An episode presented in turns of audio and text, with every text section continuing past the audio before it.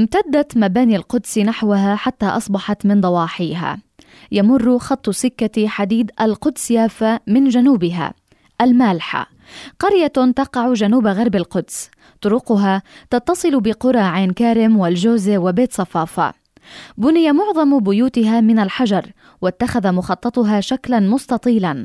كان مجموع بيوتها في عام 1931 نحو 300 بيت ولكن امتداد القرية أثناء نموها العمراني جعل مساحتها تزداد إلى 86 دنما في 1945 اشتملت المالحة على مسجد ومدرسة ابتدائية وبعض الدكاكين وعلى بعض الآثار التاريخية.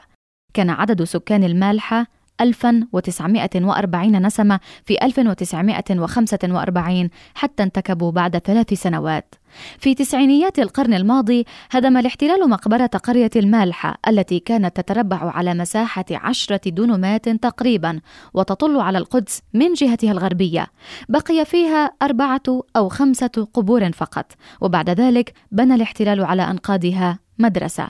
في القرية أيضا مسجد بني بداية القرن الماضي لشبكة أجيال أسيل دوزدار.